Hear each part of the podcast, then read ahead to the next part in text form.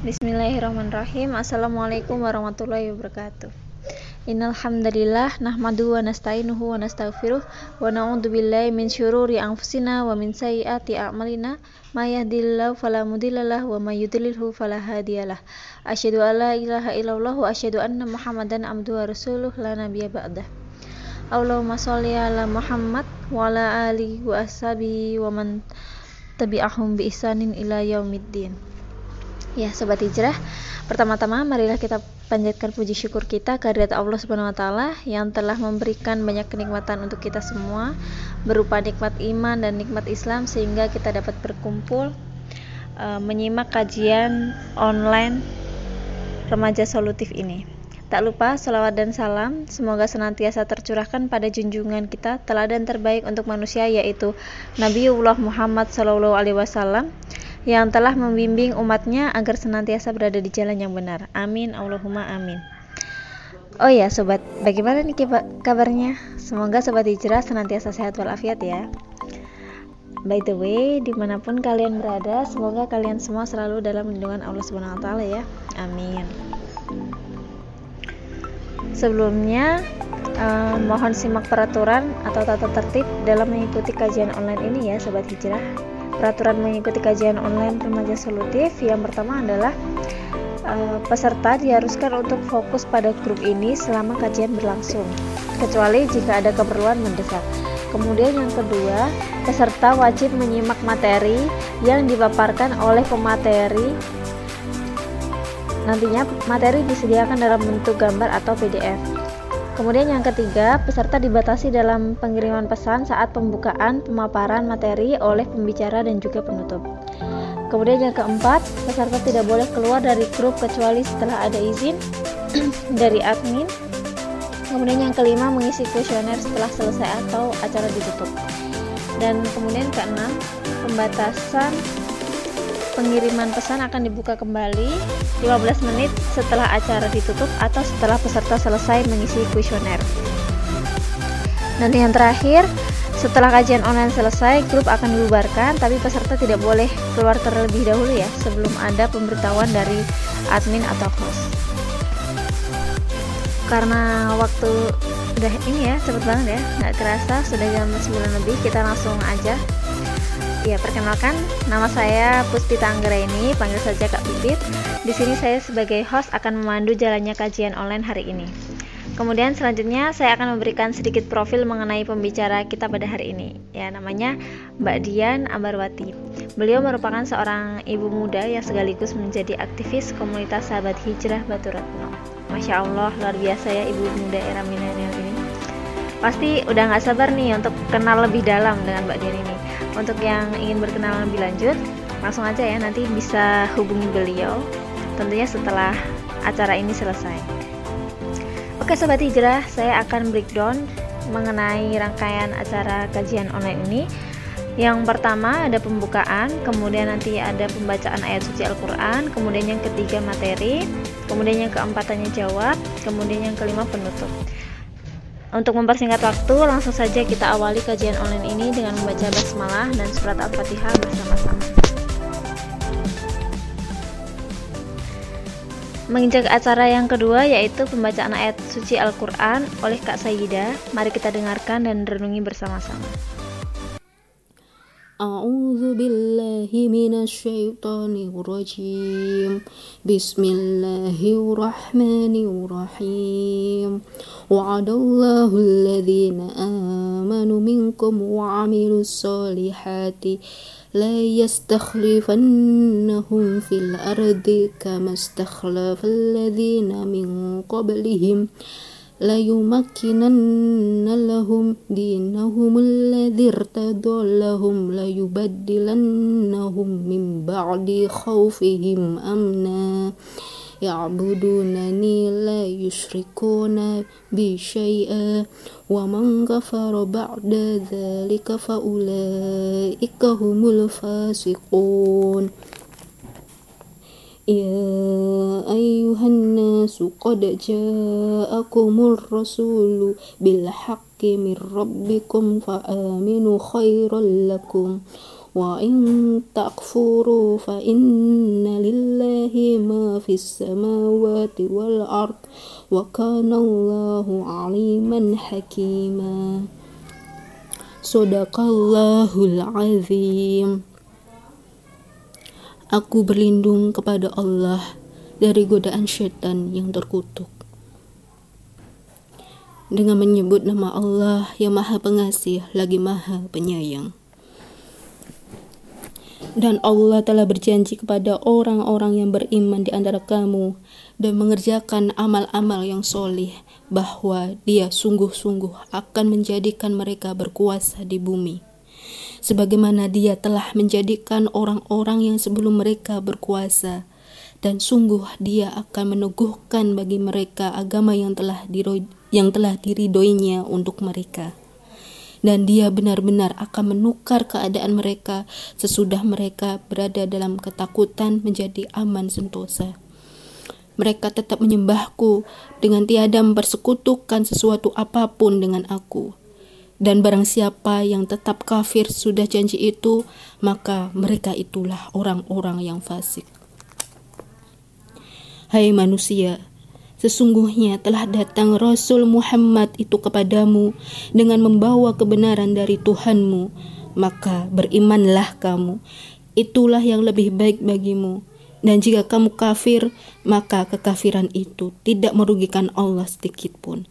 Karena sesungguhnya apa yang di langit dan yang di bumi adalah kepunyaan Allah dan adalah maha dan adalah Allah maha mengetahui lagi maha bijaksana maha benar Allah dengan segala firman-Nya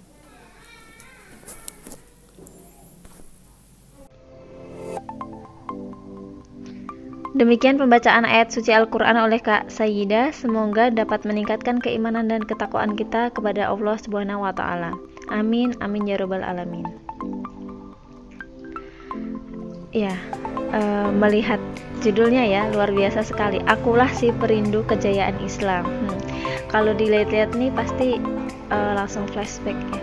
Melihat kondisi sekarang banyak sekali kerusakan di darat dan di laut, kadang suka bikin greget gimana ya solusinya, gimana penyelesaiannya gitu kan. Kita suka kepikiran, apakah ada solusi dalam Islam? dan setelah ditelusuri kan memang ada ternyata bagaimana Lantas bagaimana kejayaan Islam itu dulunya? Bagaimana cara kita meraihnya? Nah, daripada makin penasaran, langsung aja ya kita simak pemaparan materi dari Mbak Dia. Bismillahirrahmanirrahim. Assalamualaikum warahmatullahi wabarakatuh. Innal hamdalillah nahmadu wa nasta'inu wa nastaghfiruh wa na'udzu billahi min syururi anfusina wa min syai'ati a'malina.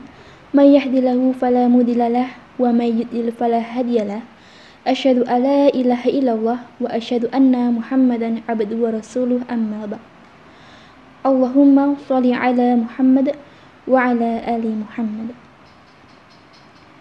Halo sahabat hijrah semuanya, sahabat hijrah, hmm, bagaimana nih kabarnya? Semoga dimanapun kalian berada, senantiasa baik-baik saja dan dilindungi sama Allah Subhanahu wa Ta'ala. Oh ya sobat, setelah satu bulan lamanya, akhirnya kita bisa bersua kembali. Ya, meskipun lagi-lagi lewat media online, tapi nggak masalah ya. Intinya semangat terus buat ngaji Islam. Oh ya, hmm, ngomong-ngomong nih, Hari ini kita mau ngebahas apa? Udah pada baca judulnya kan? Apalagi kalau bukan akulah si perindu kejayaan Islam. Jadi ngomongin rindu, ngomongin kejayaan Islam, daripada makin penasaran, langsung kita ke materi ya. Akulah si perindu kejayaan Islam. Sobat, karena kita ini generasi milenial, maka jangan heran kalau misalkan pembahasan kita ini selalu berbau-bau milenial gitu. Oh ya sobat, kalau lihat judulnya nih sekali lagi, akulah si perindu kejayaan Islam. Aku, aku siapa sih maksudnya? Maksudnya itu ya tentu kita ini, generasi milenial alias generasi muda. Emang bener nih kita rindu sama kejayaan Islam. Kejayaan Islam yang kayak mana? Apa sekedar rindu itu cukup? Emang nyambung ya generasi-generasi milenial yang notabene saat ini tengah miris keadaannya merindukan kegemilangan Islam. Nah, maka itu sobat, keadaan generasi muda saat ini memang miris sekali. Miris gimana kak? Kita ini baik-baik aja kok. Hei sobat, ayolah kita melek keadaan. Mungkin kita sih ngerasa oke-oke aja, tapi di luar sana, inalillahi deh.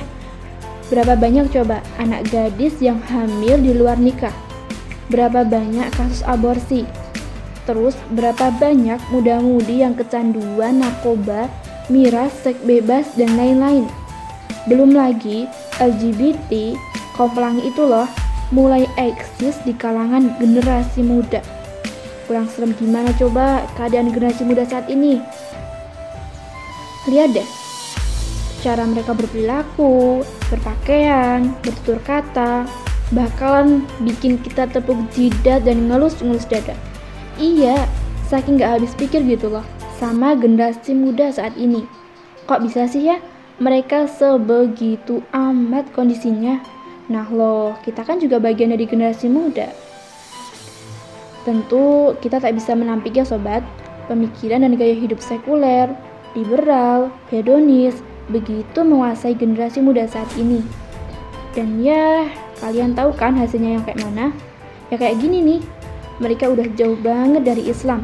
Bahkan tak sedikit dari mereka yang sama sekali nggak peduli sama agamanya. Islam hanya dijadikan agama yang tertera di KTP. Itu sih kalau mereka udah punya KTP. Hehe, karena mereka nggak kenal Islam dan nggak ngejadiin Islam sebagai landasan berpikir dan bertindak, maka jangan heran mereka itu mudah sekali terjerumus nyaman dalam kebebasan yang kebablasan, dan begitu antusias hanyut dalam berbagai kerusakan. Innalillahi, seperti ini kak kondisi pemegang tongkat estafet kepemimpinan di masa depan. Coba kita flashback sebentar ya sobat tentang bagaimana keadaan generasi muda pada zaman kejayaan Islam. Bisa dijamin deh, setelah kita tahu bakalan ada sebuah ngkah rasa rindu yang menyelinap di hati. Oh ya, ada Usamah bin Said, sobat. Usamah merupakan panglima Islam termuda sekaligus panglima terakhir yang ditunjuk langsung oleh Rasulullah. Bayangkan, beliau mulai memimpin perang pada usia 18 tahun. Masya Allah banget kan sobat? Terus ada lagi nih, Zaid bin Sabit, 13 tahun, penulis wahyu, dan dalam 17 malam mampu menguasai bahasa Suryani sehingga menjadi penerjemah Rasulullah Shallallahu Alaihi Wasallam, hafal kitabullah dan ikut serta dalam kodifikasi Al-Quran. Atab bin Usaid diangkat oleh Rasul Shallallahu Alaihi Wasallam sebagai gubernur Mekah pada umur 18 tahun. Pokoknya masih banyak banget deh pemuda hebat di zaman Rasulullah. Tentunya kita tak juga lupakan sobat, ada Imam Syafi'i yang udah jadi penghafal Quran saat umurnya 9 tahun. Atau Ibnu Sina yang sudah hafal Quran di umur 5 tahun. Ini nih baru pemuda. Apalagi sang panglima perang luar biasa kita, Muhammad Al-Fatih yang menaklukkan Konstantinopel di umur 21 tahun. Bayangkan sobat, 21 tahun. Terus ini loh, Abdurrahman An-Nasir yang umurnya juga sama, 21 tahun. Dan pada masanya, Andalusia mencapai puncak keemasannya. Dia mampu menganulir berbagai pertikaian dan membuat kebangkitan syair yang tiada duanya.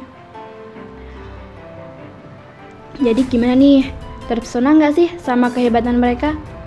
Perlu dicatat ya sob, pemuda-pemuda itu lahir dan ada di zaman Islam berjaya di zaman Islam memimpin dunia, dimulai dari negara Islam pertama yang didirikan Rasulullah di Madinah sampai negara Islam yang terakhir, yaitu Khilafah Utsmaniyah. Ya begitulah sobat, saat Islam dijadikan sebuah sistem kehidupan. Islam itu punya aturan yang sempurna dan paripurna. Tentunya itu bersumber dari Al-Quran dan Sunnah. Dari, Al dari Allah langsung loh sobat, dan Allah kan maha tahu yang terbaik untuk manusia. Dan ketika aturan itu diterapkan di segala sisi kehidupan, maka yang terjadi adalah kegemilangan dan kemuliaan. Itulah yang dimaksud dengan Islam rahmatan lil alamin. Maka jangan heran, Islam pernah berjaya dan menguasai dua per 3 dunia, melahirkan generasi-generasi hebat saat aturan Islam itu diterapkan di segala sisi kehidupan. Dan tiadalah Islam itu bisa diterapkan kecuali melalui sebuah institusi negara yang dalam Islam biasa kita sebut dengan khilafah.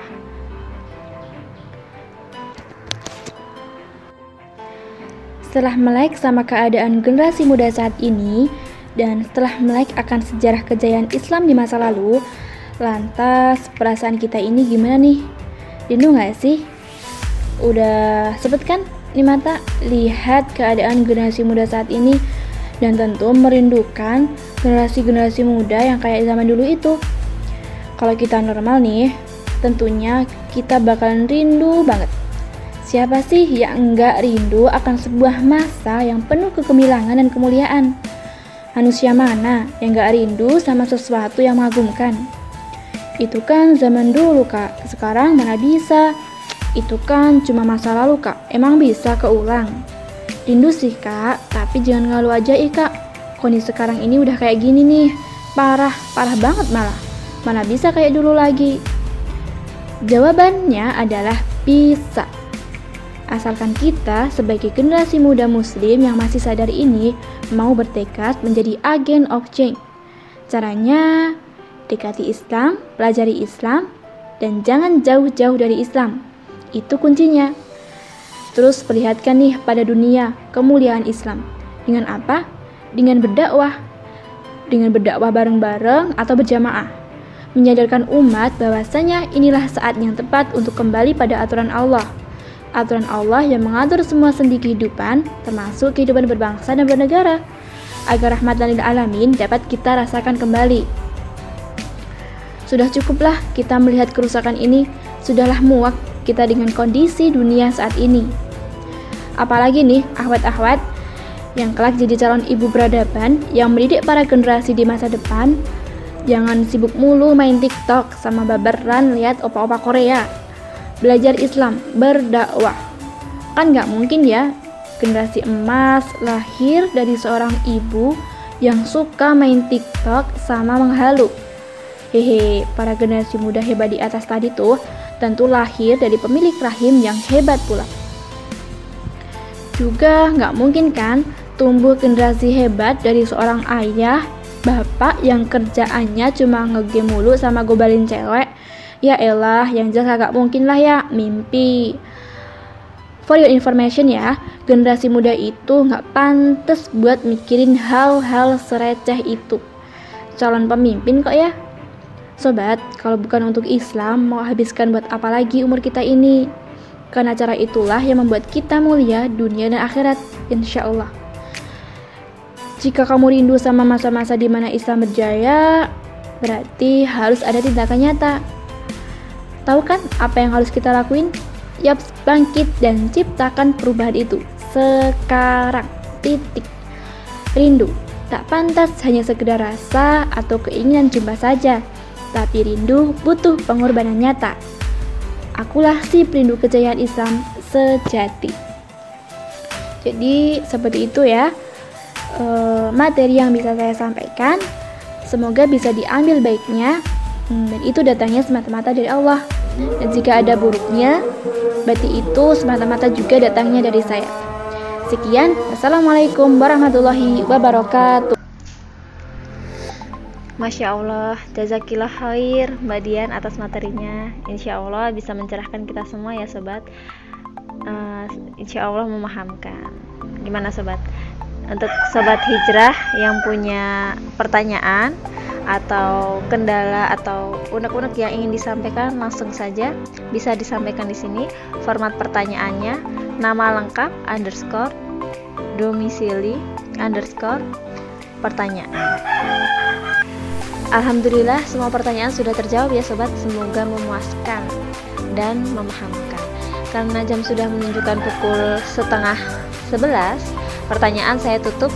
Jika masih ada pertanyaan Akan dijawab nanti siang atau sore. Kalau misalnya mau sharing-sharing lebih banyak dengan Mbak Dian Bisa chat WA langsung ya. Kajian online akan segera kami tutup.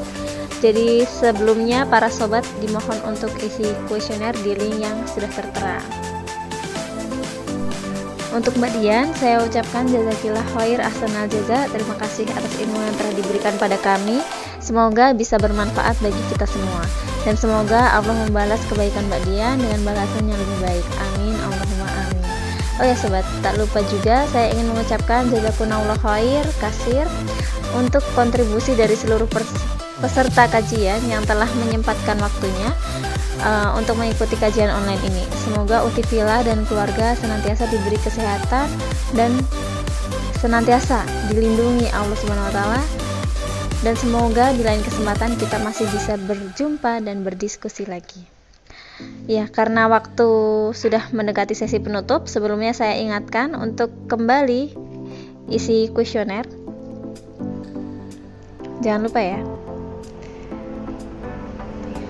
Akhirnya kajian ini selesai juga ya Alhamdulillah Afan ya kalau misalnya ada waktu yang molor atau kekurangan dari kami panitia jadi langsung saja mari kita tutup acara kajian ini dengan mengucap istighfar tiga kali dan hamdalah serta diikuti dengan doa penutup majelis.